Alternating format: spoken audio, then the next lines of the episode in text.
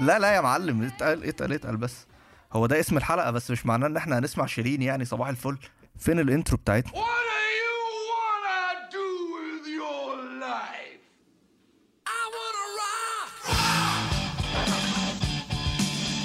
النهارده هنتكلم عن موضوع فيه قصص شيقة شوية وهو مين من ال rock stars كان بيلعب مع band ناجح وقرر أو اضطر إن هو يسيبهم وقدر يكمل ويبدأ solo career ناجح. أول حد هنتكلم عنه النهارده هو ال guitarist إريك كلابتون.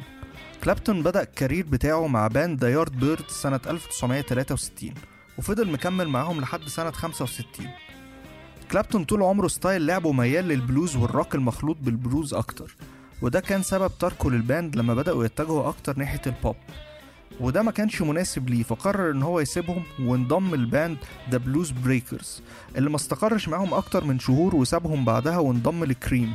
اللي كانوا يعتبروا super group ولقوا نجاح كبير وكانت موسيقتهم خليط من البلوز والروك مع touches جاز كان بيضيفها ال drummer العبقري جينجر بيكر لكن للأسف نتيجة خلافات كتير قوي مسيرة كريم برضه ما استمرتش أكتر من أربع ألبومات وانفصلوا.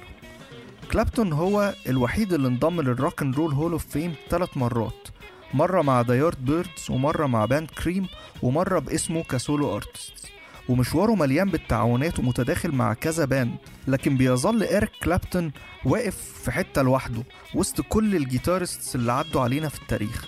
والكلام ده حتى من قبل إصدار ألبومه الأول اللي كان باسم إيريك كلابتون.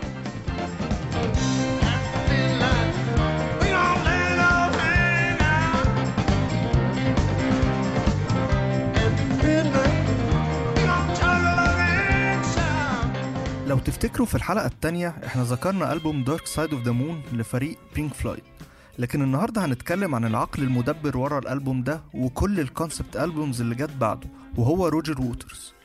روجر ووترز تولى دفة قيادة Pink Floyd بعد انفصال سيد باريت عن ال band سنة 1968 ويعتبر هو المسؤول عن نقل ال band لل mainstream من خلال كلماته وأفكاره اللي سيطرت على جميع ألبومات الفريق حتى انفصاله عنهم سنة 85 بعد ما كانت خلافاتهم الموسيقية جابت آخرها بسبب المساحة الكبيرة اللي ووترز كان واخدها لدرجة إن آخر ألبوم عمله معاهم ألبوم The Final Cut كان مكتوب على ال cover بتاعه Requiem for the Post-War Dream by Roger Waters performed by Pink Floyd.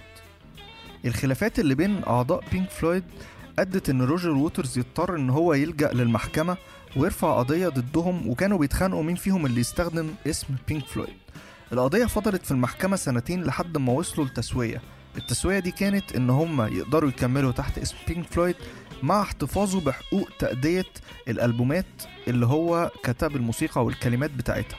وطبعا كان أهمها ألبوم The Wall وبعد التسوية دي اتجه ووترز إن هو يعمل ألبومات لوحده ك solo artist.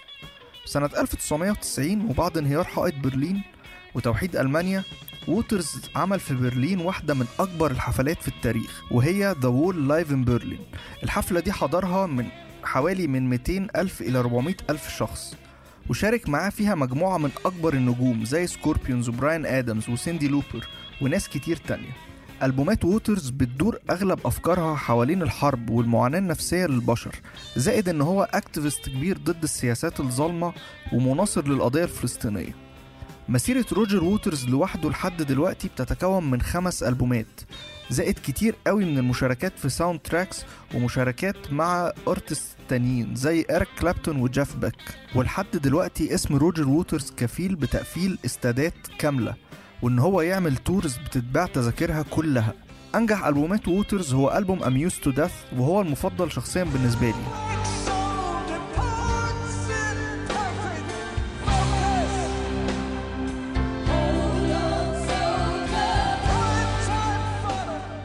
على قد ما موسيقى الروك بتعتمد على الكلمات القوية ومهارة العازفين لكن جزء كبير منها برضه مبني على ال entertainment وتقديم show حلو الناس تستمتع بيه.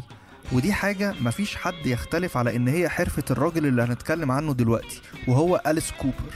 أليس كوبر يعتبر ال godfather لل shock rock والتمثيل المسرحي على ال stage لكن ده مش اسمه الحقيقي ده كان اسم ال band اللي هو كان ال vocalist بتاعه. هو اسمه الحقيقي فينسنت فرنير لكن الناس ما كانتش تعرف دي وكانوا بيستنتجوا إن ال band متسمي على اسم ال vocalist بتاعه لحد ما هو غير اسمه رسميا لأليس كوبر. في البداية ال band كان له محاولات فاشلة إن هم يطلعوا من ال underground لل mainstream لحد ما عملوا أغنية I'm 18 اللي ضربت وسمعت وكانت من أوائل الأغاني من النوع ده اللي توصل إن هي تتذاع على الراديو. من بعد نجاحهم الأداء المسرحي لفينسنت بدأ يكبر وبدأ ياخد أكبر جزء من حفلات الفريق. ودي كانت حاجة ممتعة جدا للجمهور بس بالنسبة لأعضاء الفريق التانيين حسوا إن ده بيغطي على مجهودهم وكانت حاجة سلبية جدا بالنسبة لهم. ومن هنا بدأت الخلافات اللي أدت لانفصال ال band واستقلال فينسنت وتبنيه لشخصية أليس كوبر 100% ويقال إن هو بيدفع مبلغ سنوي لأعضاء الفريق مقابل استخدام اسم أليس كوبر. بعد الانفصال أليس قرر إن هو ياخد أداؤه لل extreme وبعد إصدار أول ألبوماته مول هو وال manager بتاعه ال tour بتاعة الألبوم من مالهم الخاص. أضاف مشاهد لل show بتاعه وجاب ممثلين وراقصين يؤدوا معاه كل مشهد من كل track وكانت النتيجة نجاح رهيب. الألبوم ده كان اسمه Welcome to my nightmare.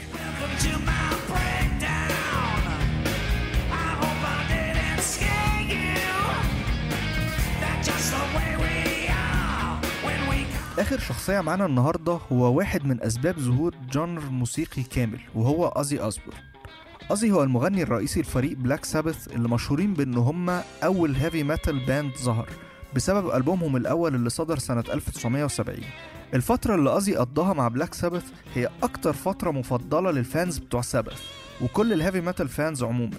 سنة 78 Ozzy اتطرد من الفريق بسبب استهلاكه الزائد للكحول والمخدرات اللي خلاه مش قادر يكون مفيد للفريق. وده للأسف كان راجع لمعاناته وهو طفل وتعرضه للتنمر بشكل مستمر في المدرسة ومن معاناته مع والديه.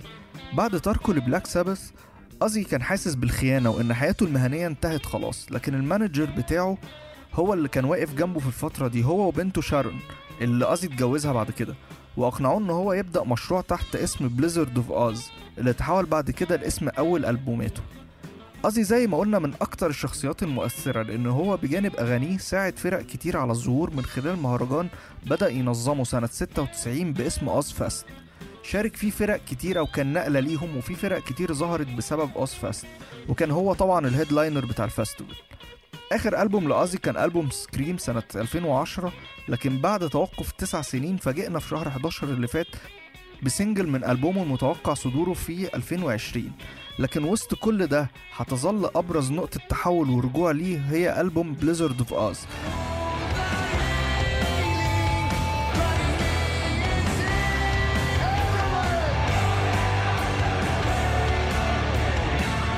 وب Ozzy Osbourne نكون وصلنا لنهاية حلقتنا النهاردة. حلقة أنا بيك من غيرك مش فارقة. اللي بنتكلم فيها عن الناس اللي قدروا إن هم يكملوا بعد ال bands الناجحة اللي هم كانوا فيها ويعملوا solo career محترم يعلم والناس تفضل تسمعه لحد دلوقتي. ما تنسوش تعملوا subscribe لل show بتاعنا عشان يجيلكم notifications كل ما ننزل حلقة جديدة كل أسبوع. وتابعونا على صفحتنا على فيسبوك I wanna rock online show. وأشوفكم في حلقة جديدة. And don't stop rocking.